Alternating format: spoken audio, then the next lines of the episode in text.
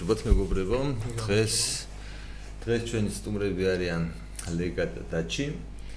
ლეგა და დაჩი გუშინ იყვნენ კანა ექსპოზე. ერთი მონაწილეები იყვნენ, მე ვიყავი იქ სტუმარი.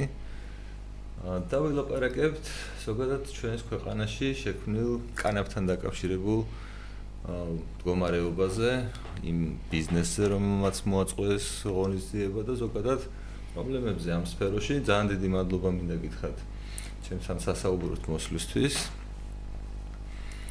ამ პირველი როგორ ჩაიარა, როგორ ჩაიარა დღემ და თქვენი მოლოდინები, როგორ შესვლა, ანუ რა მოლოდინი გქონდათ, რა გამოვიდა? მოკლედ რომ წინა წელთან შედარებით მოველოდებოდით, რომ ისევ რაღაც რეპრესია იქნებოდა და ვიღაცები გამოვიდოდნენ ხელშეგვიშლინენ. იდეაში იყო ცდელობა შეგვიშალეს ხელი, მაგრამ ჩაიარა ძალიან კარგად მე მგონი არა. პირველ რიგში მოგესალმებით. აა შაშადელთან შედარებით აა შაშადელთან შედარებით ფიქრობდი რომ წელსაც ეგეთი პრობლემები იქნებოდა, მაგრამ აუ მასშტაბს იმხელას არ მოველოდებოდი. რაც შაშანი იყო, იმიტომ რომ წინაზე ზურას ქონა დაანონსებული მარიხუანის გასაღება. და მაგან უფრო შეყარა ეგ ხალხი რა და რაც რაც გუშინ მოხდა ამ პოლიციასთან პრეტენზია არ მაქვს არანაირი. ფორმიან პოლიციასთან ვამბობ სამოქალაქო გადაცმული არ ვიცი ესენი პოლიცია არიან შესეს თანამშრომლები არიან ვინები არიან წარმოქმნა არ მაქვს. ესენი იქცეოდნენ ძალიან ცუდად. აი ცუდად ქცევაში რა იქნება მოდიოდნენ გაფრთხილების ან კითხვის გარეშე პირდაპირ ყველა სახეზე გვიღებდნენ სურათებს. აი ეს ეს მას ცხვირზე მომადო ტიპა ისა ტელეფონი რა. ხო და ერთმა თესლებიც კი მომპარა. რომელიც მე რო გაიგონა რომ ამაზე აულაპარაკდით და აბა ვინ წაიღო აბა მართლა მოიპარა და ესეთ კითხვები რო გაიგონა შემოტრიალდა ჩვენკენ და წამოვიდა უკან და მომაწოდა ხელში ეს თესლი რა იმისთვის შეიძლება კი არ მოიპარა ნიუტ ტკიცება იყო აუ ეგრე ეგრე შეიძლება გაპრაუდეს მოპარო აი ზამა დიუტკიცება რომ მოსულიყო და ეთქვა რომ ეს ამოვიღო ეგ დიუტკიცება იქნებოდა არა ვიხუმრე რომ უნდა მოიყოთ აა ხო შემდეგ მოვიდნენ მერის თანამშრომლები რომელმაც გაგვაფრთხილეს რომ თუ არ დავიშლებოდით მოვიდოდნენ ჯარიმებს დაგვიწერდნენ გაგვიკეთ მოახდენდნენ პროდუქციის კონფისკაციას. და კამათი მოყვა ამ ყველაფერს ზურაცე კამათა, იაგოცე კამათა და საბოლოო თავი რო არ შევეშვით და უკვე ალყაში მოაქციეთ და სერიოზულად გაუწიეთ წინააღმდეგობა, დაგვანებას თავი და გადავიდნენ გვერდზე. ანუ ეს გაფრთხილების პროცესი არ დაამთავრეს რა, რამდენიმე კაცი დაიწყო არც მერიისგან, არც პოლიციისგან.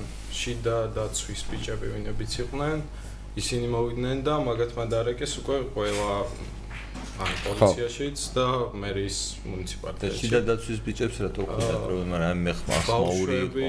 არიანა და შესაძლოა მორალურად გვესაუბრებოდა. ან ის კი არა რომ მორალზე გესაუბრებოდა ხო მორალზე გვესაუბრებოდა რა და აა რავი მაგ საუბარშიც ჩაიჭერდნენ და დაგვანებეს თავი რა. აღარ მახსოვს ვინ ეკამ მე მგონი ჯგერი ეკამათებოდა ხო სიგარეტის მოწევაზე ხო და მოვიდა უკვე პოლიციაც და მერიაც. ვერ არიან ესენი ვიფიქრა და წავიდა და დარეკა და მოდი თქვენ მიხედეთ და მოვიდნენ მე ისინი რა.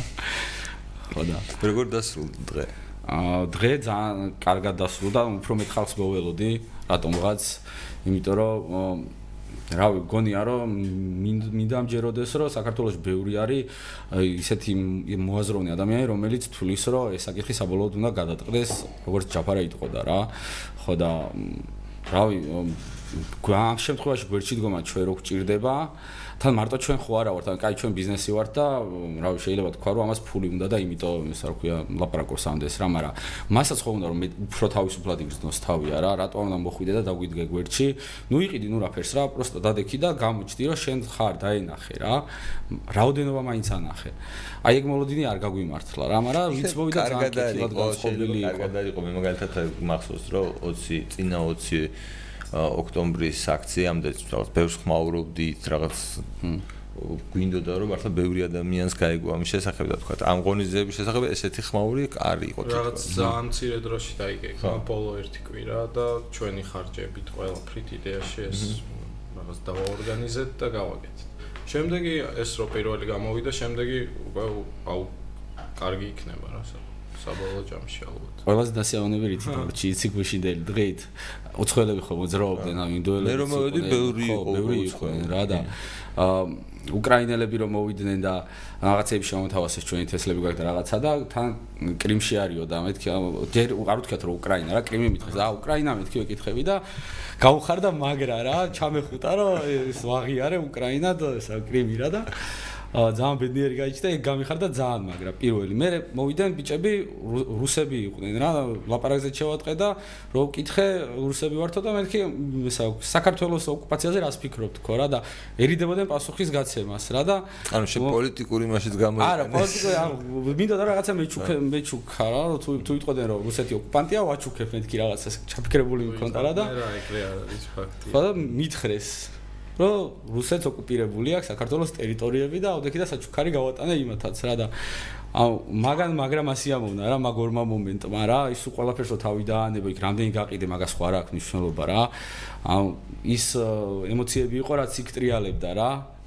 და ის ემოციები იყო რაც ჩვენ შოპერმა ერთმანეთთან ურთიერთობაში მივიღეთ და გავიცანით ერთმანეთი და რა ძალიან მაგარი რაღაც გავაკეთეთ ესე მგონია თუნდაც თუ ვერაფერი ვერ შევცვალეთ ქვეყანაში ამ ეტაპზე ჩვენი მცდელობებით მაინც ძალიან დიდი კარგი ნაბიჯი გადავდგით წინ რა რაც საომოლოდ მოგვეხმარება ამის გატანაში რა. თუნდაც ერთმანეთთან ურთიერთობა ჩამოვაყალიბეთ ისეთი რომ ერთმანეთს გვერდში დაუდგეთ. მე ვფიქრობ რომ ყველა არგუმენტი თუ ეს გაერთიანება ამ ადამიანების შესაძლებელია და მოხერხდა იდეაში არის ჩვენს მხარეს რა. ანუ აი მაგალითად ჩვენს ხა მაგიდაზე გვაქვს ნივთები რომელიც თქვენ დღეს საჩუქრად მოგვიტანეთ მაგრამ თქვათ რაც იყო წარმოდგენილი და რა მსგავსი მსგავსი პროდუქცია ამ გამოფენა გაყიდვაზე ხო? აი მაგალითად ჩანთა რომელიც დამზადებულია ამ სცენარისგან და რაღაცნაირად ასოცირდება კანაფთან და რა ვიცი ბიზნესია სავარაუდოდ ვიღაცა ამით ამას ფულს აკეთებს ამაში ვიღაცა დასაქმებულია ასე შემდეგ ხო? არის რაღაცა თესლები რომლებიც საქართველოს კანონმდებლობით არის სრულიად ლეგალური და ჩაოლებრივად იყიდება სადაც გინდა. არის რაღაც ნივთები, რომელიც ასევე გამოიყენება კანაფის პროდუქციის მოსახმარებლად. ანუ ეს ყველაფერი არის კანონიერი. აი სრულიად კანონიერი ამბავი. დაახლოებით აი იგივე იდეა არის ამაში, რაც მაგალითად ბიბლიური თავისუფლების ამბავში ჩაოლოთ პროცედურებს მიუყვებით რა. ანუ ეს ყველაფერი ხო გასაგებია ნებისმიერი ნორმალური საღამოაზროვნე ადამიანისთვის რომ გამოიყენება იმისთვის რომ რაღაცამ კანაფი გაზარდოს მცენარე და შესაბამისად ეს მოწიოს და ეს ამ ქვეყანაში არის ლეგალური ამბავი. ანუ ეს ესეც ლეგალურია მოწევაც ლეგალურია კონკრეტულად და შუაში არის დარჩენილი რაღაც არეალი, რომელშიც ანუ ჩართულია სისტემა და იძახის რომ აი კი ბატონო ეს ყველაფერი ლეგალურია, მაგრამ არის რაღაცა მოქმედება, რომელიც არ შეიძლება. და ეს რაღაცა ანუ ამის გამო ადამიანებს თქვა დღესაც სტუმრები ყავდა ჩვენ ვისაც სახში უვარდებიან და რაღაც სანქციებს აკისრებენ, ესეთ პარადოქსულ სიტუაციაში ცხოვრობს საზოგადოება, რა. ანუ ფაქტობრივად თქვენი ეს გამოფენა არის ამ პარადოქსის ჩვენების შესაძლებლობა. მათ შორის რაღაც საზოგადოებისთვის რა რომ თუ ეს ყველაფერი აი ემსახურება იმას რომ რაღაც ადამიანებს აქვთ მოთხოვნა რაღაცა პროდუქციაზე, არსებობენ სხვა ადამიანები, რომლებიც ცდილობენ რომ ამ ადამიანებს მოემსახურონ და დაუკმაყოფილონ ეს მოთხოვნა. ამ ყველაფერში აი ამ ჯაჭვში ფაქტიურად დასაწყისიც და საბოლოო პროცესიც არის ლეგალური. შუაში შეუძლებელია არსებობდეს. რა რაღაც გარემოება მაგალითად ამ სცენარის გაზრდა, რომელიც ამ დროს უკანონოა. ანუ წარმოგიდგენთ რა დონეზეა, ანუ რა არის შინაარსია? ჩვენი მთლიანი პრობლემის, რომ აა ფარი რატო უნდა იყოს რა ზოგადად რა, ანუ თუ ეს ყველაფერი კანონიერია, შეიძლება რომ ჩვენ ველოდეთ წინა წელს იყო პოლიციის რაღაცა არმია. ხო. წამ წელს იყო ვიღაცა ადამიანები, რომლებთანაც ჩვენ ხო აი მაგ შეგვიძლია რომ თქვა დღეს მოგვეწვია დამჯდარი იყო და წყნარად აეხსნა პრობლემა რაში მდგომარეობს. ანუ ეხ ხო ის არ არის რა ქვია, ჩვენ ხო მზად ვართ რომ ნებისმიერ ადამიანს ვესაუბროთ ამ თემაზე ხა. ნებისმიერი არგუმენტი, რომელსაც გუშინ იაგოსთან ეთერშია, იქ მოვარდნილი ადამიანი აჟღერებს და ჩვეულებრივ შეიძლება დაждდე და აუხსნოს ერთ პრობლემას არ წარმოადგენს. ხო? და ამ დროს მერი სამსახური, აი თითქოს ეს კინკლაობაში სისტემასთან კინკლაობაში გადასული ეს ფოტოების გადაღება. ანუ ხვდები, ანუ რეალურად ესე იგი ჩვენ გვაქვს სიტუაცია რაღაც აბსურდული, რომელ აბსურდში ჩვენ თითოეული რაღაცა როლს ვთამაშობთ. ის ადამიანებიც რომლებიც არც მეორე მხარეს არიან ბარიერის და ჩვენც აი გამოსავალი როგორ წარმოგიდგენია? რა შეიძლება იყოს ლეგა? აა ეს ეხა ეს სიტუაცია რაც გვაქვს საქართველოში ეს კანონმდებლობა ხო რეალურად არის ბერკეტი.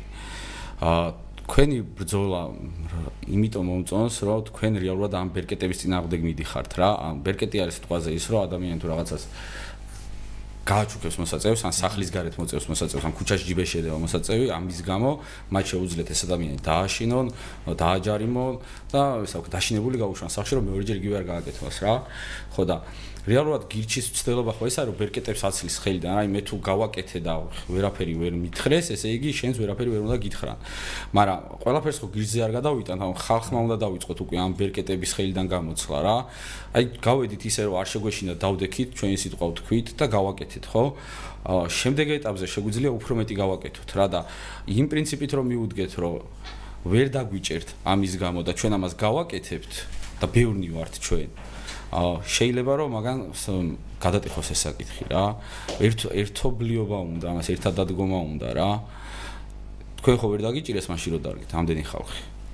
ნუ ასევე როდესაც ანუ მაგალითად ზურამ როცა გადასცა კანონის ბუკვალური გაგებით გასაღება იყო ხო ანუ მაგაზე ჩაოლებრივი ისეთივე სანქცია ну მე რა ანუ ფაქტობრივად გამოდის რომ ეს პოლიტიკური აქტები იყო რომლის წინააღმდეგაც არ არსებობს რაღაცა მორალური პოზიცია ანუ პოლიტიკურ აქტს შეიძლება დაუპირისპირდე მორალური პოზიცია გამოვიდეს და გაამართლოს რომ ეს იმდენად ამორალური ქმედება რომ ჩვენ ამის გამო ადამიანებს უნდა ვიჭერდეთ მსგავსი პოზიციის დამცველი არც ხელისუფლებაში და არც ოპოზიციაში დღემდე არ მოიძებნა. არა ხო, მაგას ვერც ვერ სიტყვია რომ უნდა დავიჭიროთ, მაგრამ ვერც იმას ვერც იმას არ ვაკეთებენ რომ მისცენ რაღაცა. ხო, მაგრამ შეულებრივ ადამიანებს ხო დაძდებენ. ანუ ანუ გამოდის რომ რაღაცა რაღაცის ზევით, მოკლედ, კანონმდებლობა ადამიანს არ ეხება და ჩაოლებრივ ადამიანებს შეიძლება სისტემა შეეხოს ანალოგიურად, ხო? ანუ მიუხედავად იმისა, რომ ერთ შემთხვევაში ისე არ იქცევა. როგორც უმრავლესობის შემთხვევაში. არ მახსოვს რომელ ქვეყანაზე მაქვს წაკითხული რა ეს ინფორმაცია. სადაც бенზინი გაძვირდაო და ხალხმა ქუჩებშივე გააჩერეს მანქანები და გადმოვიდნენ და ისე წავიდნენ სამსახურებში ქუჩებში დაუტოვესო რა. ეს პროტესტის ნიშნად მასობრივად რა. ხო და აი ეგეთი ერთსულოვნება რო გქონდეს სულოვნების პრობლემა ზოგადად ამ საზოგადოებაში ხა 300.000 ადამიანი რომელზეც ზოგადად არის სტატისტიკა რომ არის ასეთი ნივთიერებების მომხმარებელი. ამ ადამიანებს მართლა რამე რო აერთიანებდეს გარდა იმისა რომ ყოველას უყვარს თქვა ეს პროდუქტი რამე ფორმით ამ ადამიანებს ვერანაირი პოლიტიკური ძალა ვერ დაუდგებოდა წინ. პრობლემა იმაში მდგომარეობს რომ ეს ადამიანები თავის ამბავს საჯაროდ არ არ ნუ ცდილობენ ყოველთვის რომ არ გამოიტანონ. და მხოლოდ რაღაცა როცა ანუ სისტემის ძიმე იმას დარტყმას იგრძნობენ ხოლმე თქვა რა 200 რაღაცა ძირი ადამიანს მოუჭრეს ხო? აი ხა წარმოგიდგენთ გმირობაა რომ ესეთი ადამიანი გამოვიდა და ამის შესახებ მოყვა. ანუ ჩაულებრივი გმირობაა რომ მეორე ადამიანს რაღაც სახში შეუვარდნენ ვითომ ოჯახური კონფლიქტის იმაზე და მოუჭრეს ასე თქვა ძირები. ესეც მისი მხრიდან გმირობა ასეთი რაღაცის გაკეთება. ანუ ესეც საზოგადოებაში ცხოვრობთ. ანუ დიდი აა შიშია სისტემის მიმართ გადასატეხი მაგრამ აი თქვენ რასაც აკეთებთ, თქვათ ეს 30 ბიზნესი, რომელიც თქვათ ამ მასე ღონისძიებაზე იყავით წარმოდგენილი, ეს არის ჩვეულებრივი საგანმანათლებლო პროექტი, მე როგორც ამას ვუყურებ რა. ანუ ფაქტობრივად ყოველდღურად აჩვენებთ, რომ ფორმალური კანონმდებლობის თვალსაზრისით აი ასეთი საქმიანობა არის სრულიად ლეგალური ამბავი. და შეუძლებელია ამ საქმიანობას მოყვებოდეს მერე ადამიანების სასტიკი რაღაცა დევნა. ეხლა ჩვენ მაგალითად რისი უნდა გვეშინი ამ აღარაფერს აღარ გვეშინი. მე მაგალითად არ მეშინია რა შოპის როგორც შოპის დამფუძნებელს იმიტომ რომ რაღაცა რომ მოხდეს ვიღაცა რომ ზედმეტად შეგვაწუხოს რაღაცები რომ დაგვემუქრა რა ნებისმიერ რამე რითიც მოქმედებს რა დღეს ის სისტემა რა. რითი მოქმედებს შოპებზე? აი მაგალითად არის რამე ზემოქმედების იარაღი რომელზეც და ხომ მოიგონეს ახლა ახალი სისულელე. რას უკავშირდება ეს ჯარიმები შოპებისთვის? ა მაღაზია რო გაქვს, ვიტრინაც უნდა ქონდეს, რომ გარედან დაინახოს პროდუქტი, არა მომხმარებელმა. გარედან თუ ჩანს ბონგი სიტყვაზე, ხო? მოდიან და გაჯარიმებენ მაგის გამო, რომ ეს არის პროპაგანდა, ამას ეძახიან პროპაგანდას. და ჩვენ გუშინაც გავაკეთეთ მაგაზე მეტი პროპაგანდა რა გინდა თუ მასე არის რა, მაგლობი თუ მიუყვები რა. რაც მოსაწევია და რეკომენდაციას უწევ, ეგეც პროპაგანდაა და მაგაზეც ჯარიმა. აუ ვიღაცა რომ მოვიდეს და რომელი ბონგი ჯობია. და ანუ იდეაში თუ მოეწონა ისე რენდომ შეუძლია რომ იყიდოს. არ უნდა შეგეკითხოს რისთვის არის ეს. რა? ანუ ეს ესე იგი წესია? ანუ ხო, შენ თუ არ წუნებ რომ რაღაც არის, კარგი და ეს რაღაც არის მოსაწევად. მოსაწევად, მაშინ ანუ შენ რომ მოვიდეს გითხრას რომ აი რომელი ბონგი უფრო სიტყვაზე მყარი არ გატყდება რა და შენ რომ დაუწყო რომ აი ამ ეს ბონგი ისეთი არ გეჩვენა სიტყვის თავისუფლების წინააღმდეგ არის ანუ ანუ ეგ ხო შეუძლია მაგრამ სიტყვის თავისუფლება ანუ ადამიანი გეკითხება და შენ უნდა რაღაც პასუხი გაცე. ხო. და შენ გირეგულირებენ როგორი პასუხის გაცემა შეგიძლია და როგორიც არ შეგიძლია. რეალურად რა შეიძლება სიტყვის გირეგულირებენ მაგრამ ცდელობა უკვე ტეხავს რა თორე რა ხა მე ბევრისთვის ამიხსნია მithქვია რომელი ჯობია როგორ ჯობია ანუ ეს რო იყოს მაგალითად საგადასახადო ან რაღაცა მარეგულირების წარმომადგენელი მას შეუძლია რომ ამ დროს მოგიტრიალდეს და შეკითხრას რომ შენ ამის უწევს არა და გამოგიწევს ჯარი. ხო მაგრამ მე ახლა და მაგას ვამბობ იმიტომ არ მეშინია თქო მაგის თქმა მინდოდა რომ ეხა ვიღაცა რომ მოვიდეს და ეგ ჯარიმა გავომიწეროს ან დამემუქროს ან რაღაცა როქნას რა. ვიცი ადგილი გირჩის ოფისი სადაც მოვალ ამაზე ვილაპარაკებ და ამას ხალხს გავაგებინებ რა. ავდგები და გირჩის ოფისიც რო არ იყოს, ხო, ავდგები და ვიდეოს ჩავწერ და Facebook-ით გავაგებიებ ხალხს. ანუ არ დავმალავ რა და როდესაც გაქვს პლატფორმა, სადაც შეგიძლია შენი სიმართლე ილაპარაკო ხალხს გააგებიო და დაარწმუნო იმაში, რომ შენს გვერდზე უნდა დადგნენ და უსამართლოდ დაიჩაგრე. მაშინ მგონია, რომ ბევრი რაღაცა იცვლება რა. ანუ უფრო ფრთხილად გიფრთხიან. ნაკლებს გიბედავენ და აბა შეიძლება იქამდეც მივიდეს რომ ვაფშე აღარც დაგაჯარიმონ რა. ჩემი აზრით არ უნდა გაჩვენდე, თავარია ეგ რო არ გაჩვენდე, უნდა გამოყვიდე ილაპარაკო მაქსიმალურად მეტი რაც შეიძლება. მაგაზე ხალხს უნდა გააცნო ეს ხო არა იმისთვის რომ მარტო მოვწიოთ. აი შეიძლება გამოვიყენოთ იმისთვის რომ თქვათ აბები არ მივიღოთ რაღაც ქიმიური და ნერვოს უმკურნალოთ ან თუნდაც უძილობას უმკურნალოთ ან თუნდაც შარვალი შევკეროთ. რაღაც მსგავსი ძალიან ბევრი რაღაცის დამზადება შეგვიძლია ამით. რითიც დავაინტერესებთ, შეიძლება მწეველი არ ვარ და არ ვინტერესდები მე რაშვებიან შოპები ან რაშვებიან მწეველები, მაგრამ შეიძლება მაქვს რაღაც პრობლემა და დავინტერესდე იმით, რომ ეს მედიკალია და ამით შემიძლია რაღაცა ჩემთვის უშველო. რაღაც ეგ ძალიან კარგი იქნება რომ ეს გავაცნოთ ხალხს. დავიწყოთ რომ ფიქრობთ გასაგანმანათლებლო რაღაცებიც რომ გააკეთოთ თუნდაც ისეთ სფეროში რომელსაც პირდაპირ უშუალოდ თქვენს ბიზნესს არ ეხება. და სოფლის მეურნეობაში სხვა გზალულია. ჩემი აზრით ძალიან ბევრი რამეს მოიყვან თუ ამას სწორად მოიყვანე ხა. ამ ეს ადვილი არ არის რა საშუალოდ ჭირდება იქ. აუ ეგ არ არის რომ ვენახი აუჩეხოთ და პლანი დავთესოთ ეგრე არ ხდება რა.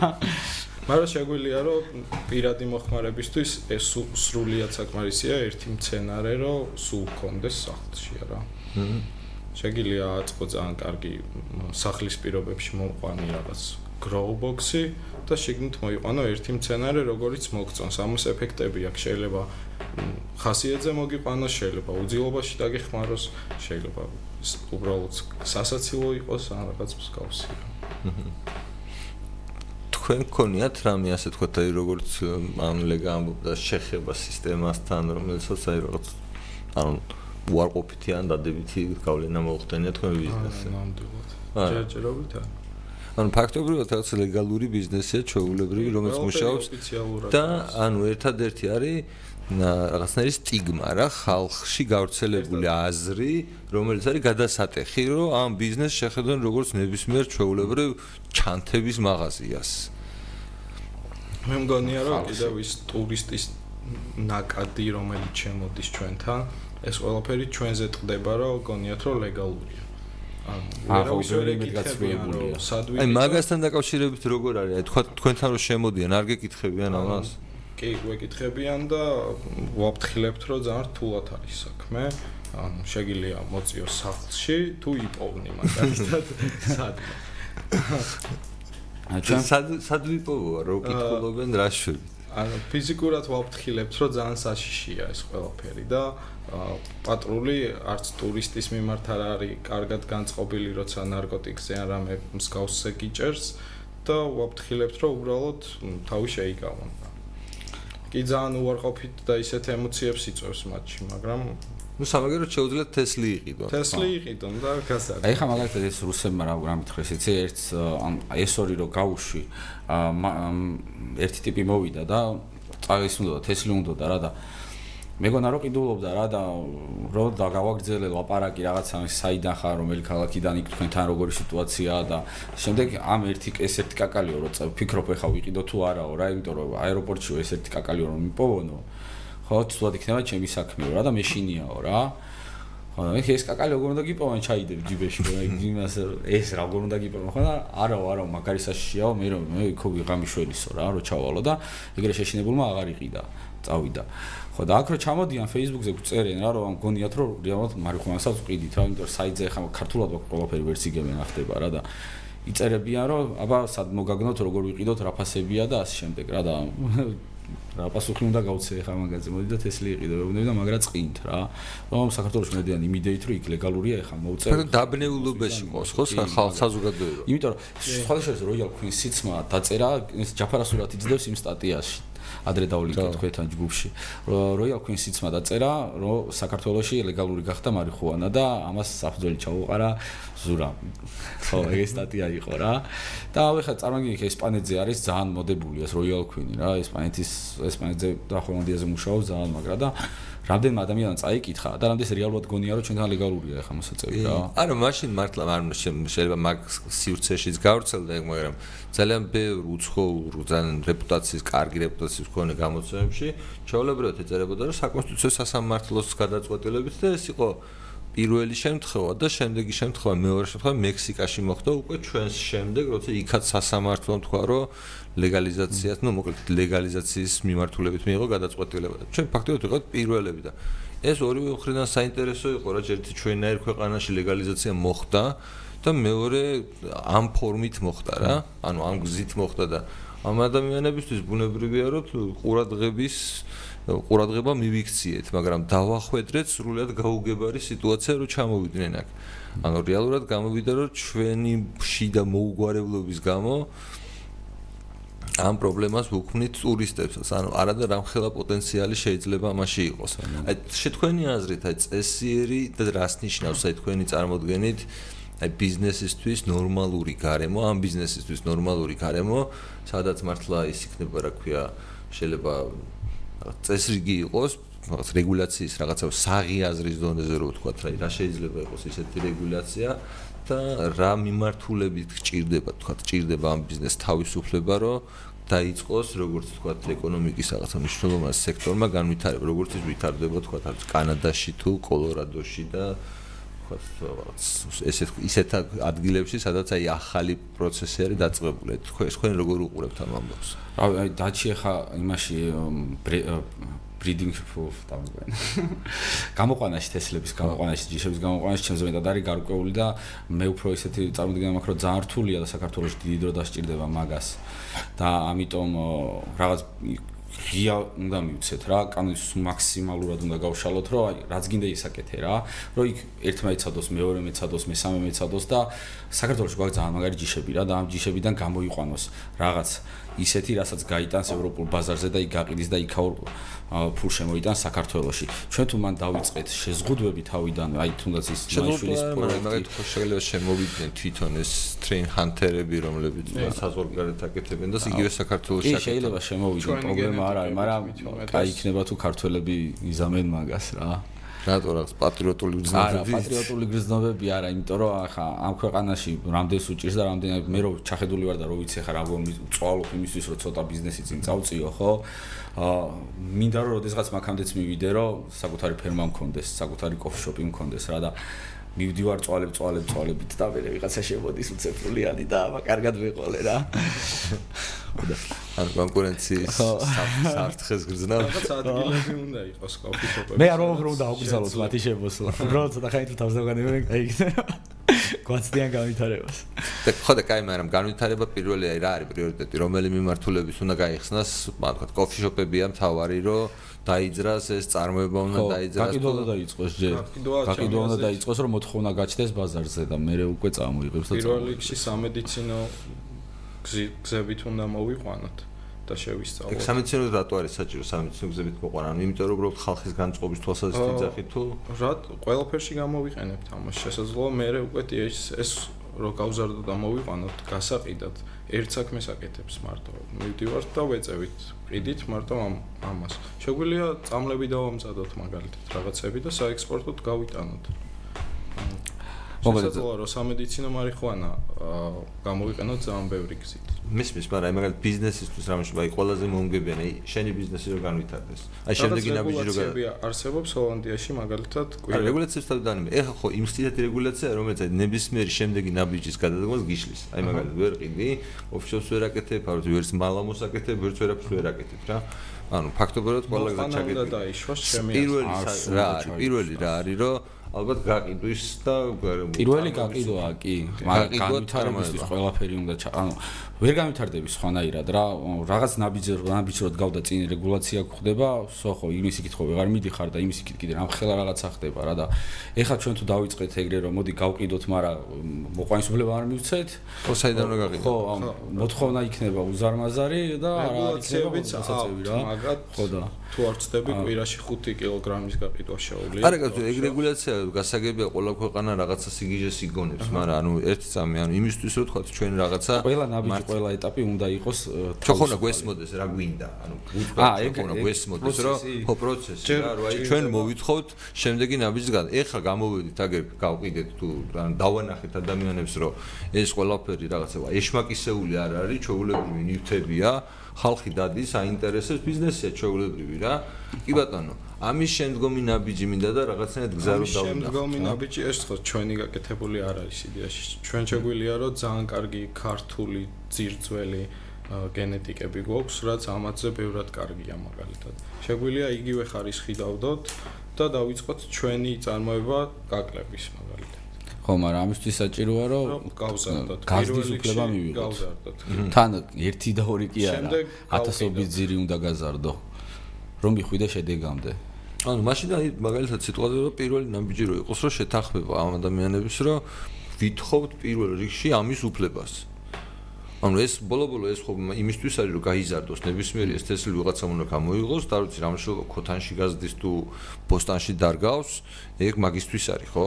ანუ თქვენ ფაქტობრივად საკუთარი პროდუქციის შემდგომი ბედით უნდა დაინტერესდეთ როგორც ჩანს რა თქვენი იმიდან გამომდინარე თუ რამე არის ანუ მას შემდგომი ნაბიჯი, ეგ არის შემდგომი ნაბიჯი.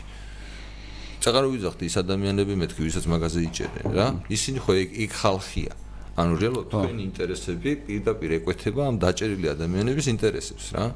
და შეიძლება ეს კარგი ფორმა იყოს რაღაცნაირად თანამშრომლობის თუ რაღაც თანამშრომლობის გზის გამონახვის, რომ ანუ თქვენ რო რაღაც პეტიციას ავითრო ქონათ რა რაღაც ასოციაცია ხო შეიძლება გააკეთოთ ამ ბიზნესში ჩართულმა ადამიანებმა, კომპანიებმა და თქვათ რომ აი ჩვენ რაღაცა იმისთვის რომ როგორც რაღაც ბიზნესი განვითარდეთ, თქვათ ჩვენ გვინდა შემდეგი რაღაცები. ამისთვის რაღაცას გავაკეთებთ, არ ვიცი, შეიძლება შეიძლება ეს ხო შეიძლება რაღაც ფანრაიზინგი გააკეთოთ რაღაცა რაღაცა შემდეგი არ ვიცი აქცია გააკეთოთ, ესეთი რაღაც გამოფენა გააკეთოთ, ამ მსგავსი რაღაცა გააკეთოთ, რომ მიიქციოთ ყურადღება რა ადამიანებს რა გინდათ, შემდეგი ნაბიჯი რა იყოს. თუ მაგ მიმართულებით მივდივართ, მაღაზია ნაფიქრი მაგ და პირველ რიგში დავიწყებდი ამ ასოციაციის იდეა ძალიან კაია. თუ გვექნებოდა რაღაც საერთო ბიუჯეტი, რითიც აა ვიმუშავებდით, რომ გაგვევრცელებია ინფორმაცია, დავიწყებდი განათლებას რა. ანუ ხალს აუხსნიდი მაქსიმალურად. ეხა ჩვენც რა სტატიებსაც როდებთ, იმისთვის აი რომ რაც შეიძლება მეტი გაიგოს ხალხმა რა არის მარიხუანა და არ გქონდეს ის დრაკონული წარმოდგენა და მამაჩემს ვაკითხებ ხოლმე რა ხშირად ეგეთ რაღაცეებს. იმიტომ რომ რამდენიმე წელი მქონდა მაგ თემაზე კამათი, რომ მინდოდა ამიხსნა, რომ ისეთი ცუდიც არა მარიხუანა, როგორც მას წარმოედგინა და მივახციე მაგ შედეგს.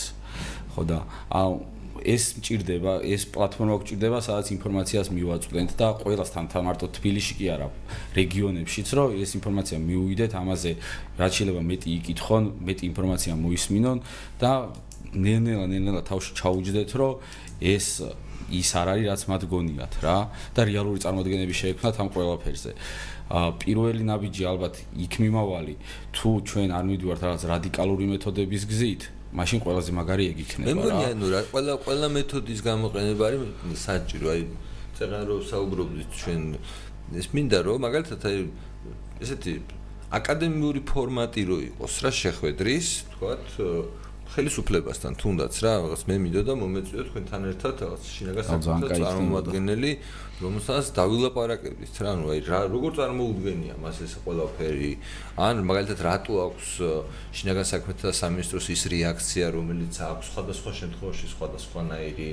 ანუ რა რა რა მასშტაბის ბიზნესი შეიძლება იყოს? ანუ რა მასშტაბის ეკონომიკაზე ვამბობ თუ არს იმის გამო რომ თქვა ესეთი რაღაცა რეგულაციები გვაქვს და მით უმეტეს ამას პერსპექტივა არ უჩანს იმიტომ რომ შეუძლებელი ესომი წააგო ხომ სოფლიოში ანუ ამ მოძრაობამ.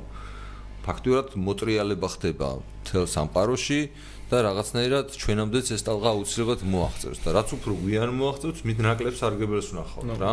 და ჯობია რომ აი ეხლავე რაღაცნაირად ჩავერთოთ იმ სოფლიო განვითარების რაღაც ფერხულში, ვიდრე აი საკუთარი თავი მოვიკლათ იმის გამო რომ რაღაცა დღეს რაღაცებს უწევთ ანგარიშს. ანუ რეალურად პროაქტიულ მოქმედებებს რაღაცა აზრი უნდა ქონდეს პლეგა. რეალურად იმ ჯაჭვის შუა ნაწილი უნდა გამოვასწოროთ, რაზეც წერან ვილაპარაკეთ, ანუ უნდა შეიძლებაოდეს მოყვანა, გაყიდვა, შენახვა, შეძენა. ანუ ეს ყველაფერი უნდა იყოს ლეგალური ჩემი აზრით, იმიტომ რომ არ არის ეს მატერიალი რაღაც ისეთი, რომ აა ვთქვათ ჭირდებოდეს ლაბორატორიაში დამზადება რა. ანუ გვაქვს ძალიან კარგი ჰავა, ნიადაგი, რომ ჩვენ მიწაზე ისეთი მარიხუანა მოვიყვანოთ, რაც თქვათ სოფლიოს აალაპარაკებს. რაც თქვათ ევროპის ბაზარზე არ არის ეგეთი სიძლიერის თუ ეგეთი ეფექტურობის.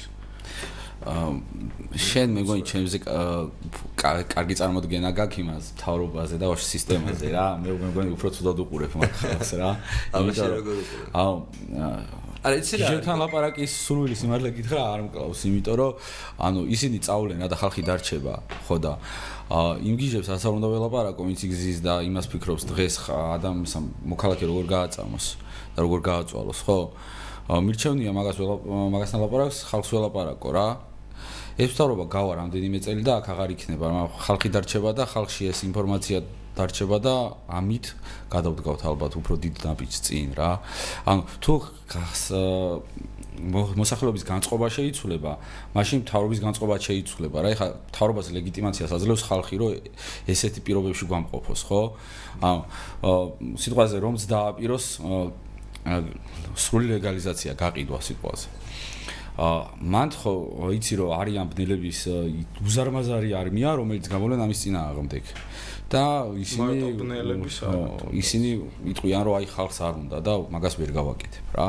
და დამთავრდება მანდ ეგ ამბავი რა და აი რომ მე მგონი მასობრიობაში უნდა გადავიდეს ჩვენი იდეა რა რომ იმაზე მეტი მეტმა ადამიანმა უნდა გაიგოს რომ ეს ცუდი არის და რა საპატრიარქოს მაგალითად საპატრიარქოს ცხადია პოზიცია ხან ანუ ბოლო პერიოდის ისტორია გვაჩვენებს როგორიც აქვს რა ანუ კონკრეტულად თავარი მოწინააღმდეგეა ამ უბრალოდ ურჩევნიათ ჩვენ გადაგვახდნენ ამ მასას და სეგმენტს ვიდრე საპატრიარქოს რა.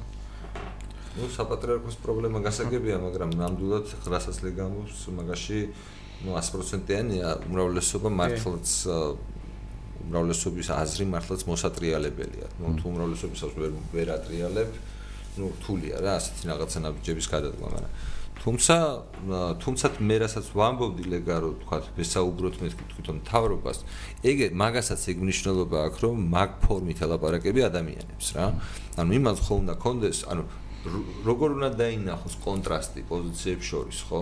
თქვა ჩვენს პოზიციას შორის და მის არგუმენტებს შორის თუ არასოდეს არ დაელაპარაკებია დღეს გინდა ეს თუ არ გინდა ვინც არ უნდა იყოს ხელისუფლება ვინც ხელისუფლებაში არის ის არის პასუხისგებელი აი ეს იგიჟეზე რაც ხდება ანუ ხვალე თუ ესენი არ იქნებიან და სხვა იქნება ხელისუფლებაში და იგივე გრძელდება გაგრძელდება და იგივე გრძელდებოდა ყოველთვის ამ 30 წელი ეს გრძელდება ხო? ეხლა შედარებით კიდე ყველაზე შედარებით უკეთესი სიტუაცია რაც კი ყოფილა ამ პერიოდის განმავლობაში. ანუ რის რის გამო? ამიტომ რომ რაღაცა რაოდენობით ადამიანმა რაღაცა ეფორტი დაატანა რა რომ აი ეს სიტუაცია ცოტა შეცვლილი იყო და ზუსტად ესეთივე სიტუაცია რა რომ მე მგონია რომ ამათ თავრობასთან იმიტომ ღირს ურთიერთობა რომ კონტრასტი დაანახო მათ პოზიციასა და შენს პოზიციას შორის. რას ფიქრობ შენ? ჩემი აზრით ანუ კონტრასტის დანახვა უნდა დავიწყოთ იმაში რომ რა გვაქვს ჯერჯერობით.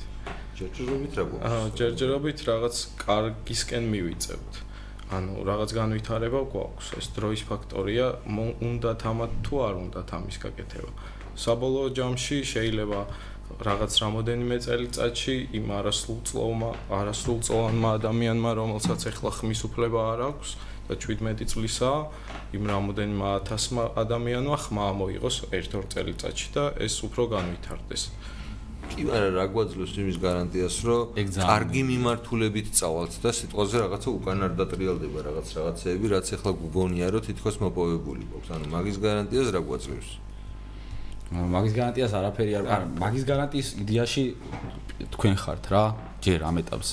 იმიტომ რომ თქვენ პირველობიდან დაიწყეთ ამ თემაზე საუბარი და თქვენ არ წვიტავთ. თქვენ გარეშე არც არაფერი არ ვარ.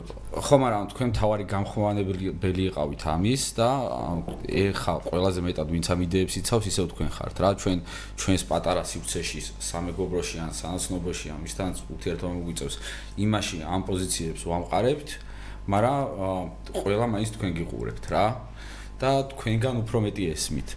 ხო და თქვენ დაიწყეთ ეს განვითარება, თქვენ ხართ ამ ამის საფუძველში თქვენ დგახართ რა და თქვენ ხართ თავარი ღერძი და ძალა ამ ყველაფერს. ძალა გადმოვიდეს თქვენსკენ, ანუ რეალურად ჩვენ ჩვენ ხო რაღაცნაირად როგორ გითხრა, შეიძლება აი როგორც აისბერგის წვერვალი რა, ანუ ფაქტობრივად გეყრდნობით თქვენ რა, ანუ რაც უფრო თქვენ იქნებით წარმატებულები თქვენ საქმეში, მით უფრო გამარტივდება ზუსტად ეს საუბარი და პოლიტიკურ დონეზე დისკუსიის მოგება. იმიტომ რომ თქვენ თუ მართლა წარმატებას მიაღწიეთ და თქვენ თუ დაინახეთ რომ მნიშვნელოვანი ხართ, რავი, ძალიან ბევრი ადამიანისთვის, ძალიან ბევრი ადამიანი უკვე ჩართული ამაში გასაგებია, დემითოლოგიზაცია მოხდა თემის რა. ანუ შეხო პრობლემა მითოლოგია გვაქვს. ეხლა წარმოგიდგენთ თქვენ თუ მაგივრად რო იყოს 10 ჯერ მეტი ბიზნესი. ხო ბევრად მეტი ადამიანისთვის თვალი იქნებოდა მიჩვეული ამას რომ ანუ ეს ჩაულებრივი ამბავია ხო? თუ ეს თქვენ ანუ თქვენ ფაქტობრივად აი ამ რეკლამის იდეის რეკლამის როლს ასრულებთ. და მაგიტომ არის მნიშვნელოვანი რომ თქვენ მიაღწიოთ შემდგომ წეღანაზე თუ ლაპარაკობთ. აი შემდგომი ნაბიჯი რა უნდა იყოს რომ თქვენ მეტი იყოთ თქვენ უფრო წარმატებულები იყოთ ამ ბიზნესში მეტი ადამიანი ჩაერთოს. მეტმა ადამიანმა გაიგოს აუ პოზიტივი ანუ ან გაიგოს როგორც მინიმუმ გაუ რაღაც მითი გაუქარწყლდეს ცნობიერებაში. ეხა იდეაში ჩვენთან ამ სფეროში საქმის დაწყება რთული არ არის და ძალიან ბევრ საქსურული და ძალიან ბევრი ცდილობს რომ გააკეთოს ეს საქმე რა. გამიმართულებით არის შესაძლებლობები, რომ მოგვიყევი. აუ ძალიან ბევრი რაღაც გააკეთება შეუძლიათ, აგერ ბიჭს ეხა მე ვისგან წამოვიღე ეს ჩანთა რა, სახელი აღარ მახსოვს იმის. აკაკი. აკაკი ხო ადგა და ჩამოიტანა ჩანთები, ხო? აქამდე ჩანთები არ ქონდა არავის გრინის გარდა და ანუ იდეაში გრინი წიდის სახელი აქვს. ეს ბიჭი წიდის და ჩაულებრად ორივე მუშაობს. კონკურენციაში ერთმანეთს არ ვჭამთ, ანუ არ არ ვართ გადაკიდებულები და ძალიან მეგობრობთ, რომ ერთმანეთს ხელი შეუწყოთ, ანუ ის იდეა გვაქვს, რომ ჩვენ ერთად უნდა ვიდგეთ, იმიტომ რომ ჩვენ თუ ერთმანეთის ჭამა დავიწყეთ, თავრობა უფრო ადვილად შევჭამს. და მაგ თემაში მეგობრობთ, ყველა ერთმანეთს ვეხმარებით. და ერთმანეთს ურჩი უდგავართ რა და ეს საშიში არა ჩვენთან შემოსვა ანუ იმის არავის არ უნდა ეშინოდეს რომ მე ხა ფულს დავხარჯავ პროდუქტ ჩამოვიდან ეს ამათი კონკურენცია მე შემჭამს და გავნადგურდები რა ეგეთი რაღაცა არ მოხდება რა. ცოტანი ვართ. ხო ჯერ ერთი ცოტანი ვარ და მე მეორე ძალიან კეთილ განწყობილი ვარ ერთმანეთის მიმართ რა. არავის შეჭმას და არავის გაბანძებას არ ვცდილობთ ხო და ამ მე მგონი ამას ხედავენ რა რამდენიმე ვის ველაპარაკე გუშინ.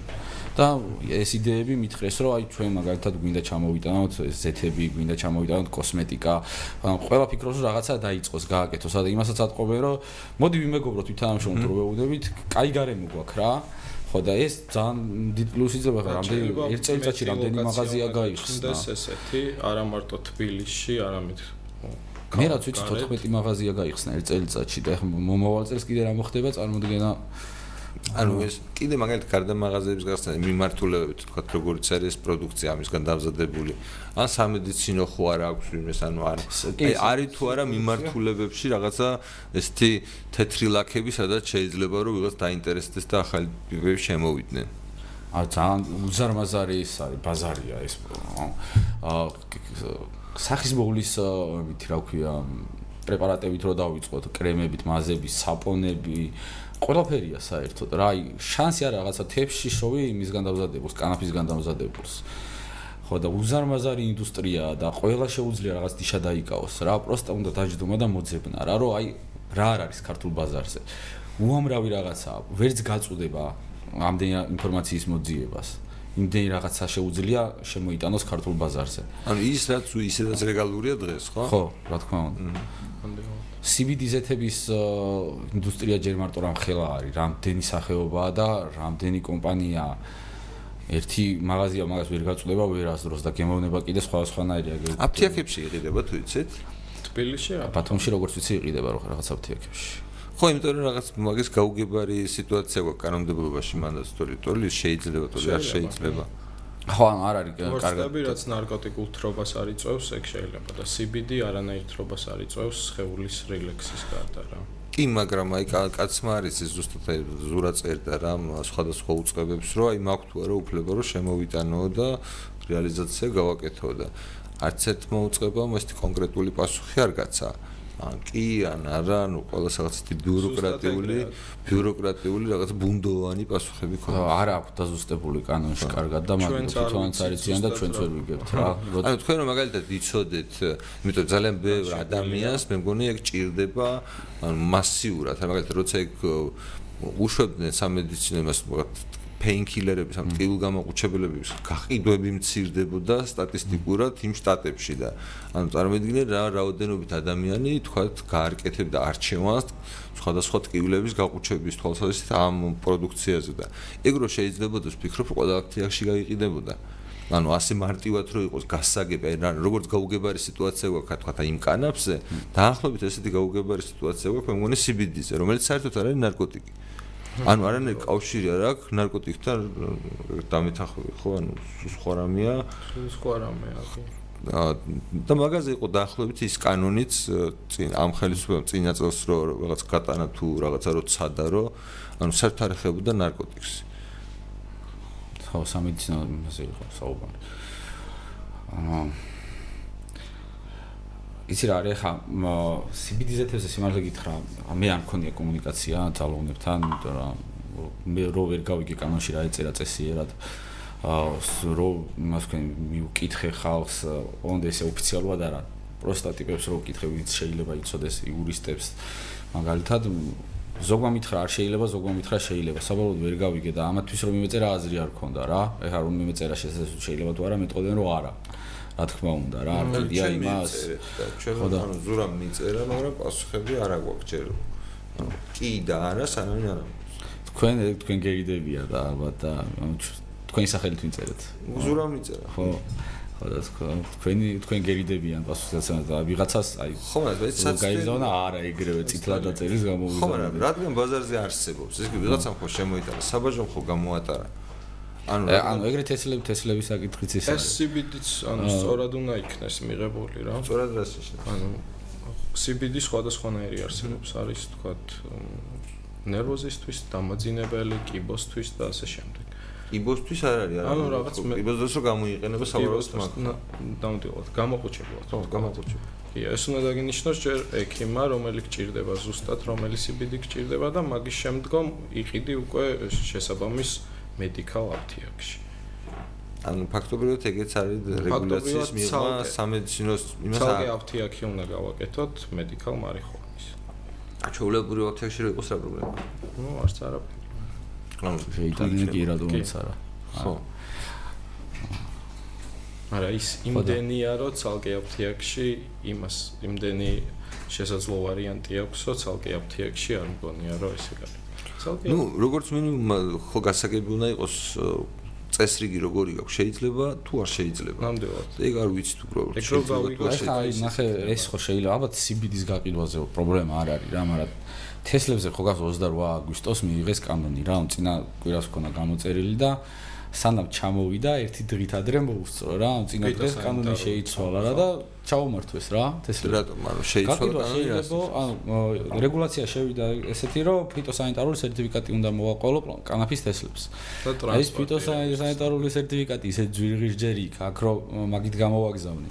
მე ჯერ აფასად უნდა გავყიდო და მე ესენი გეუბნებიან რომ ეს არ მოწონს ეხა თავიდან გააკეთებიო რაღაცეებს იმაშობიან გირედაქტირებენ რა და გაწვალებენ პროსტა აღარ გიღირს რა ისეთ დღეში გაგდებენ ხო და გიგერსა დაყავო ეგ ბერკეტი აქვს რომ შეუძლია ითხრა რომ აი ეს არ მომწონს მედი ეს გამისწორე ან დამიზუსტე რაღაც. ანუ ფაქტობრივად შინაარსობრივად გამოდიო თქვენ ფიტოსანიტარული სამსახური გიკონტროლებთ თესლის ხარისხს ანუ არ შეიძლება რომ საქართველოსში რაიმე პრობლემური თესლი შემოვიდეს რომელიც მე აკრძალულია რომ გავზარდოთ ხო სავარაუდოდ რაღაც ეგეთი არის იმაზეც ანუ რა სასწაულია. ანუ რეალურად აღიარებს რომ ჯანმრთელობაზე ზრუნავს ხო? ვის ჯანმრთელობაზე ზრუნავს ა ქვეყანაში რაღაც სარეველასავით რო არ მოედოს ალბათ და არ გაფუჭდეს კლიმატი რაღაცას იცავენ ხო არა საინტერესო ხო არის რომ გაარკვიოთ. მართლა რა შინაარსი აქვს? ფიტოსანიტარულ კონტროლს მარიხუანის თესტთან მიმართებაში. აი მაგარი ნიუსია ჩემი აზრით თუ გავერკვევით რა რას რა საფრთხისგან იცავენ საზოგადოებას ევროპის არც ერთ ქვეყანაში არ ჭირდება ფიტოსანიტარული ცნობა. აქ უბრალოდ მოიგონეს რაღაც, რომ თესლი ვერ შემოვიტანოთ, ეგ არის. გამოწერა არ ხდება, იმიტომ რომ გჭირდება ფიტოსანიტარული ცნობა და ტრანსპორტირების ცნობა, რაღაც 6 გრადუსზე უნდა შეინახო მაცივრში და მაცივრით უნდა ჩამოგივიდეს. ხო და რო არ ჩამოდის მაცივრით, არის რაღაც ხერხები გადაფუთა სატენში რაღაცებში, თუ პოულობენ გა- გართმევენ უბრალოდ რა. ანუ ფაქტ ეს რა გამოდის ანუ ეხლა როგორ ვიწერთ ალბათ თქვენ როგორ წერთ. თქვენ რა შვებთ ალბათ ჩვენ იქ გვაქვს ხელშეკრულება და ჩამოგვაქვს თესლი. ჩამოგვაქვს უკვე ყუთებით ამ 6 გრადუსიანი მაცივრებით და ფიტოსანიტარული. აკმაყოფილებთ რეგულაციის მოთხოვნა უბრალოდ ჩვენთვის დაამზადეს იქ ფიტოსანიტარული ცნობა. გაგიზვირდათ პროდუქცია მაგრამ დაჟე რაღაც ხუმრობაც გვითხრეს, დავქცინეს თუ რაღაც რა ფიტოსანიტარული ცნობაო სად ხდებაო და დაგვიმზადეს ძალიან მარტივად, კი, აა. დაგვიმზადეს ძალიან მარტივად და აქაც რაღაც ხერხებით დაგვიმაყოფილეს და ჩამოვიტანეთ.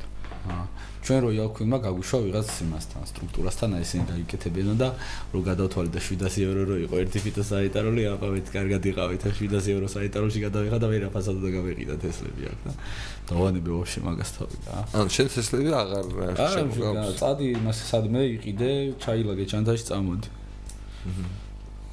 ჩანთა თუ არ გაგიხსნეს შემოგაგ თუ თუ გაგიხსნეს ვერ შემოგაგ და ეგ არის ანუ არალეგალური გამოდის მაინც ხო? ანუ ოღონდ ამ შემთხვევაში საგადასახადოს და ფიტოსანიტარულის და რაღაცების გამო. ხო.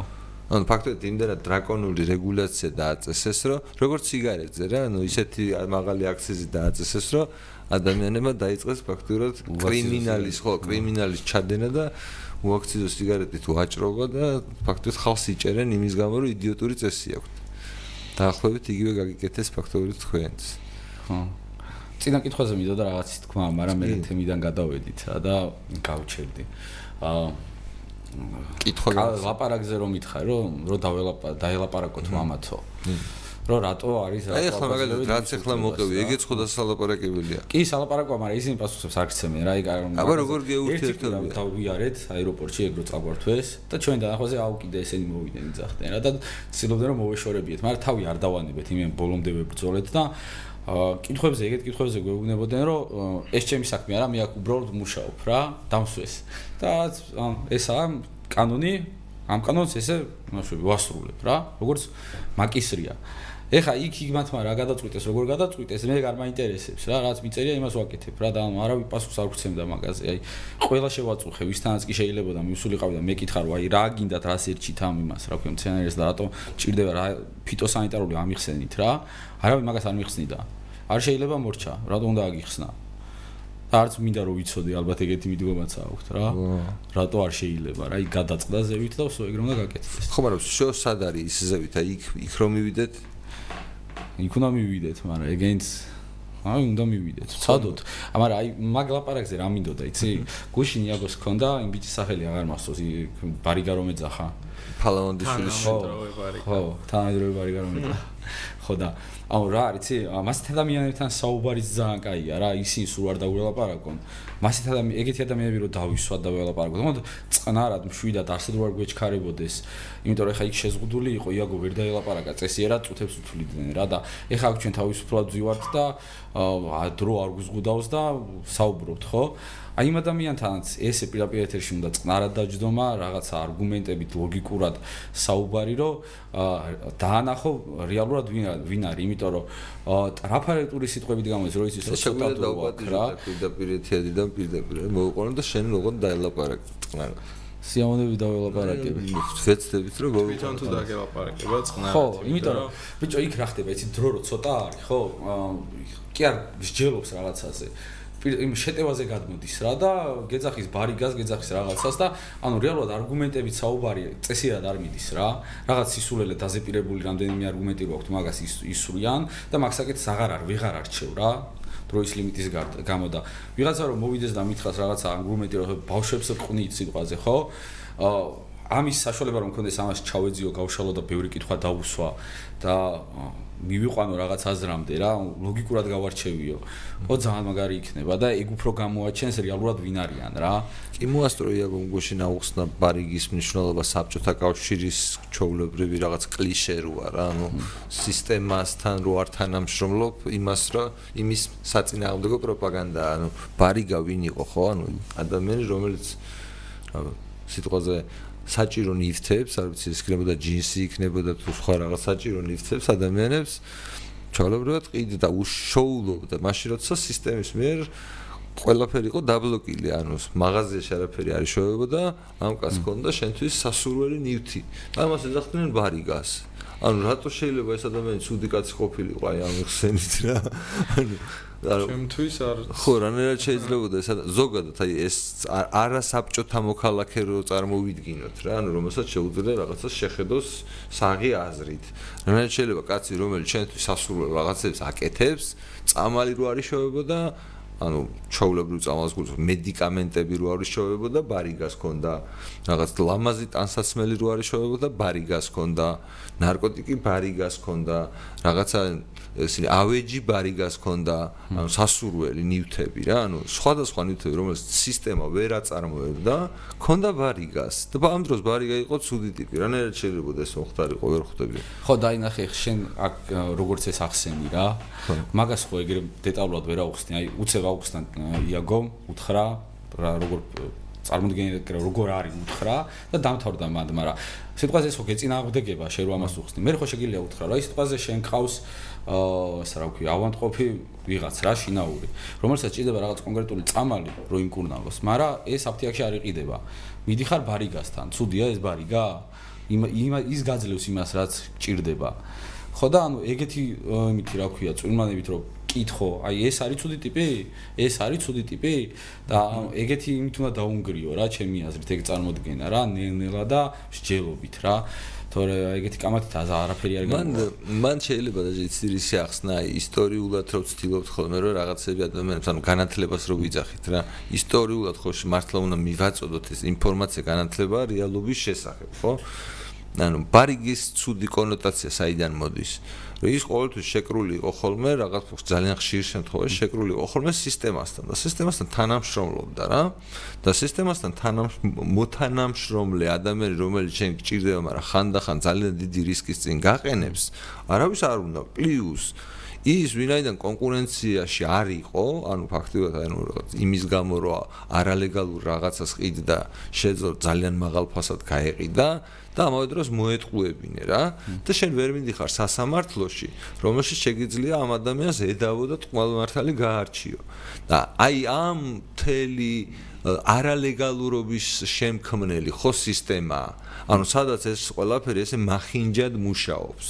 ანუ ფაქტობრივად დამნაშავე ნებისმიერ შემთხვევაში სხვა არის. ანუ ეს ბარიგა ცუდი ტიპის რო იყოს, თქვა იმ კონოტაციაში, რაც თქვა წეღანო თქვი სისტემასთან შეკრული, თქვა ჩამშვები, რაღაც ცუდი ხარისხის, თქვა პროდუქციის გამყიდველი როვერე დავები და ასე შემდეგ. ბევრი პრობლემა აქვს რა, ანუ ამ ტიპს. მაგრამ სისტემაზე უკეთესია საბოლოო ჯამში. იმიტომ რომ სისტემის პროდუქტია, სისტემა რო არის არსება, ეს ტიპი არის არსებობდა ასევე. ანუ სიტყვა ბარიგა არ არსებობს ლეგალურ ადგილას, ანუ მაგალითად მაღაზიაში რო ვიღაცა ახლა აგერ ჩვენს პირდაპირ ალკორიუმი როა ის ხო არ არის ბარიგა, ის ხო იმას შვება რა ქვია, ჩაულებრივ ნარკოტიკს ყიდის ყველაზე ძლიერს და ყველაზე მავნეს. ჩაულებრივია რა. ჩაულებრივი ამბავია, იმიტომ რომ ლეგალურია, მიუხედავად იმისა, კონკრეტულად იმ ნივთიერებას რა თვისებები აქვს. რასაც ის ყიდის. ხო და ამ რაღაცების ახსნა არის ძალიან საინტერესო ჩემი აზრით საგანმანათლებლო თვალსაზრისითაც იმიტომ რომ ადამიანებს ხო მარტო ნარკოტიკები და ეს ანუ ისტორიაც აინტერესებს რა რომ საიდან მოდის ამ პრობლემის არსი რა თქვა ხო საბჭოთა კავშირში 60-იან წლებში медალი არსებობდა, სადაც ადამიანებს აჯილდოვებდნენ ამ ინდუსტრიაში რაღაცა წარმატებებისთვის. მე უცბად დღიდან გახდა რაღაცნაირად აკრძალული პროდუქტი და всё, თითქოს რაღაცა შეიცვალა ყველაფერი რა. და დღეს 30 წელი თავის დამოუკიდებელი ქვეყანა რო გვაქვს, რა პოლიტიკას ვატარებთ? ანუ როგორ არ არ ვფიქრობთ, საერთოდ არ ვაზროვნებთ ამ მიმართულებით არაფერს რა. ანუ როგორც კანაფთან, ისე სხვა ნარკოტიკებთან, ანუ მნიშვნელობა აქვს, ზოგადად არ ვაზროვნებთ და მაგრამ მნიშვნელოვანია რომ კანაფზე თუ წინა ვართ აი ეს მაინც მივიდეს ბოლომდე რომ მე შესაძლებელი იყოს სხვა ნარკოტიკებთან მიმართებაში რაღაცა ნაბიჯების გადადგმა და იქაც თქვა საღიაზრის შეტანა. აქ აქ ჩავთვალოთ რომ რაღაცა პროგრესი გვაქვს. როგორ ფიქრობთ ანუ სხვა სხვა ნარკოტიკებთან მიმართებაში ან აი თქვა ისეთი ხო არის ხო იყო მაგალითად სუ შიშები რომ აუ საქართველოსში თუ ახლა რაღაცა კანაფის ლეგალიზაცია მოხდა, ეს მნიშვნელოვან რაღაცა ცვლილებებს გამოიწვევს. ანუ ხო გასაგებია, რომ სამართალდამცავი სისტემა ისეთ რეპრესიებს აღარ ატარებს და შესაძლოა ალბათ ყველაზე მეტი მოიხმარება ვიდრე აქამდე მოხმარებულა საქართველოში. ამას რამე გავლენა მოუხდენია ანუ სიტუაციაზე როგორ როგორ უყურებთ ამ თქვენ როგორც ყველაზე ახლო მყოფი ამ სფეროში? ის გავლენა მოახდინა, რომ აქამდე ვინც იმალებოდა რაღაც სეგმენტი და მაინც ეწეოდა, ისინი გამოჩნდნენ ახლა და აღარ იმალებიან. შემოსეთ. ერთადერთი არც შეემატა და არც მოაკლდა მწეველთა რაოდენობას ამ ცვლილებაში. აქამდეც ეწეოდნენ და ეხლაც ეწევიან, მაგრამ ჩვენ გვჭირდება ის, რომ დავანახოთ ხალხს რატომ არის კარგი. არა, კარგონია რომ მაგალითად ბიოსემცირება, მაგრამ ბიოს მე მგონია რომ ბიოსემცირება ამან გამოიწვია, იმიტომ რომ კარგახანი არ მსმენია არც გრამე ლეტალური შემთხვევები ბიოსი, ან რაღაც გიჟური ამბები ბიოსთან დაკავშირებული და მე ეჭვი მაქვს რომ ამის ასე ვთქვათ შედარებით მეტმა ხელმისაწვდომობამ ბიოზე მოთხოვნილება და შეამცირა. ბიოზე მოთხოვნილება ნამდვილად შეამცირა, მაგრამ უმცროსთაობაში აბერა. დატოიცი, ანუ უმცროსთაობას არ მიუწვდება მას მოსაწევზე ხელი ეგრე მარტივად, რავი, ეგრე გონია, იმიტომ რომ რავი, ალბათ უფროსი არაძლევს ვიღაც სიტყვაზე უბანში, უფროსი მეზობელი არაძლევს ბიოს ბიოს შეძენა. პირდაპირ ტელეფონიდან იყიდის რა და ძალიან ბევრი ბავშვი ვიცი რომელიც ბიოს ეწევა რა ხო და მე მგონი ეგ პრობლემა ბავშვებში რო არის დარჩენილი რომ ესე ვერ მიუწდებათ ვერანაირად რეალზეც მიუწდებათ იმაზე მიდიან რა. და მიდიან და ბიოს ბიოს ყიდულობენ. ძალიან ბევრი ბავშვი ვიცი სკოლის მოსწავლეები იმაზე რა ქვია ხან თავწვიდაზე მე და ჩემ ძმა კაც გადარჩენილი ყავს. ორი კაცი. ეს კრიჭა გახსნილი და ენა გვიჭირავს ბავშვების სკოლის მოსწავლეები რა ხო და გარეუბნებში უფრო არის ეგ პრობლემა. ну თან ახლა ბიოს რო ყიდულობ, ალბათ უფრო მეტი ადამიანი მოიხმარს, ვიდრე იმ მოსაწევს. შესაბამისად ფასიც სინთეტიკურს და ორგანულს შორის ამ ორგანულს უფრო ძვირი აქვს. ანუ მარიხუანა უფრო ძვირია ვიდრე ბიო. კი და უფრო ცოტა ვიდრე ეს. ამით თუ 100 კაცი მოიხმარს, ამას 10 კაცი მოიხმარს. და შესაბამისად ეს ფაქტორი უფრო ნაბიჯის ნაბიჯის გადადგმაში ეხმარებათ, რომ ბიო იყიდონ და არა მოსაწევი. ახლა თუნდაც ეს რო გავაგებინოთ ბევრ ადამიანს და თქვათ ეს რო ესმოდეთ, თქვათ თავიანთი შვილების რისკის თვალსაზრისით რა. რა მხოლოდ რისკია თქვათ ბიოს მოხმარება, ну საბოლოო ჯამში მაინც პასუხისგებელი მშობელია ჩემი წარმოდგენით ამ ყველაფერზე, მაგრამ თუმცა ეს ბაზარი არ უნდა უბიძგებდეს ბიოს მოხმარებას და ნაცვლად იმის რომ მარიხანა მოიხმაროს თუ უბრალოდ აი ადამიანურად რისკების მიხედვით შევხედავთ. მარიხანას მოხმარება რაღაც 1 საათში 600 კილოგრამი უნდა მოიხმარო რომ რაღაც მოკლას და ცუდი შედეგი გამოიღოს მაგალითად, მაგრამ 0 რაღაც 2 შეუძლია რომ ცხოვრება გაგინადგუროს ბიოს. ერთი მოხმარება შეუძლია რომ თქვათ ან კომაში დაკტოვოს ან უბრალოდ ფსიქოლოგიაზე ძალიან ცუდი შედეგი აი ასე აისახოს. რომ მარიხუანის შემთხვევაში სულ სხვანაირად. ხო მაგ მაგას ვკითხულობთ ზაღარ რა მარიხუანის მეთქი მაინც ხო ჩემი წარმოდგენით უფრო მეტი ადამიანი ყოშოში შეიძლება იგივე რაოდენობით მაგრამ უფრო ხშირად ხელმისაწვდომია ამ ადამიანებისთვის მაგრამ უფრო სტაობებისთვის არის ეგეთი ხშირად ხელმისაწვდომი და იქ ახლა ისედაც არ ყოფილა ჩემი წარმოდგენით ცუდი მდგომარეობა და არც ამას შეცვალა რამე უარესობისკენ რა პირიქით ზოგმა ზოგს ისეთი ის არ წარმოდგენა რომ აუ ეხა ლეგალური თუ გახდება მაშინ რაღაცა მოუწიო რა იძახიან რატომღაც ეხა კაი ტიპობად მიაჩნიათ მოსაწევს რო ეწევიან რადგან ის არის არალეგალურია რა ზოგი ბლატაობს ალბათ ამით რა და აა ბევრისთვის შეიძლება ეგ ისიც გამოიწვიოს რომ ლეგალურობამ თავი დაადებებიოს რა იმიტომ რომ საბლატაო აღარ დარჩეს არ ვიცი რა. მაგრამ ბავშვებში არის მოსაგვარებელი ეგ საკითხი ძალიან იმიტომ რომ თუ ჩვენ ესე ჩაკეტილი და ესეთი რეგულირებული სივრცე გვექნება ნარკოტიკებთან დაკავშირებით ყოველთვის იპოვიან ბავშვები უცროსი ადამიანები იმ ხალხს ვინც ასაკს არ კითხავს რა და ისე მიაწოდებს ამას. თუ ჩვენ პრობლემა გვაქვს რომ არ გვინდა სიტყვაზე 16 წლის ბავშვმა მოწიოს, აა ხო შეიძლება რომ დავტოვოთ ერთი რეგულაცია რომ რაღაც ასაკამდე არ გაიყიდოს მოსაწევი. ამით ხო მოუკლავთ იმ არალეგალურ ბაზარს, ან ბიოსაკითხსაც ხო მოუკლავთ, რომ ბარიგა აღარ იქნება, როგორც ეძახიან, რომელიც ასაკს არ იკითხავს და ისე მისცემს მოსაწევს რა. თუ ეგ ტიპები არ იქნებიან, მაშინ ეს პრობლემაც მოგვარდება. ბავშვს არ იქნება ხელ ვერ აბა ერთხელ კარგად ვერ მივხვდი, ანუ 16 წლამდე ბავშვს როგორ შეიძლება ხელი არ მიუწდებოდეს? ანუ ხელი არ შეიძლება არ მიუწდებოდეს თუ ის ტიპი არ არსებობს, ვინც არ კითხულობს ვინ ხარ საერთოდ ისე გაძლევს პროდუქტს, ხო? ხო, მაგრამ ეგ ტიპი ხო არსებობს ბუნებაში, ანუ არსებობს, რა ვიცი, ინტერნეტ მაღაზიები და ნებისმიერ ბავშვს მიუწვდება იქ ხელი, ანუ ალტერნატივა უკეთესი უნდა კონდეს. ხო და ალტერნატივა უკეთესი კი მოსაწევი არის უკეთესი ალტერნატივა, მაგრამ ჩვენ თუ ამას ლეგალურ ფარგლებში ვაქცევთ, ისედაც ხო ცირდება ამ ხალხის რაოდენობა, ვინც არალეგალურად აკეთებს საქმეს. ხო და აი ამის შემცირება დააზღვევს მეთქი ბავშვებს მაგას გულისხმობ რა. ეს მესმის, მაგრამ სინამდვილეში ხო, ნუ ვიდრე იქნება არალეგალური ინტერნეტ მაღაზიები და ძვირი გადახდა ადამიანებს შეიძლება თან ყველაფერში, მანამდე ნებისმიერ ბავშვს მე მგონი მიუწვდება ხელი, ანუ პრობლემას იმას ხედავ, რომ ვერ ვხედა უფრო სწორად რეგულაციის შესაძლებლობას, რომ ეს აუკრძალოს ვიღაცას. მაგრამ იმ შემთხვევაში თუ ბაზარი ბოლომდე ლეგალური იქნება, იმდენად იაფი შეიძლება იყოს ზოგადად ესეთი საშუალებები, რომ ადამიანებს აღარ უღირდეთ საერთოდ შავ ბაზარზე ამის ყიდვა. ნებისმიერი პროდუქტის მნიშვნელობა არ აქვს რა ტიპის პროდუქტი. პორტუგალიის მაგალითზე რო წარმოვიდგინოთ რა, ყველას მიუწვდება ნებისმიერი რამისადმი ხელი.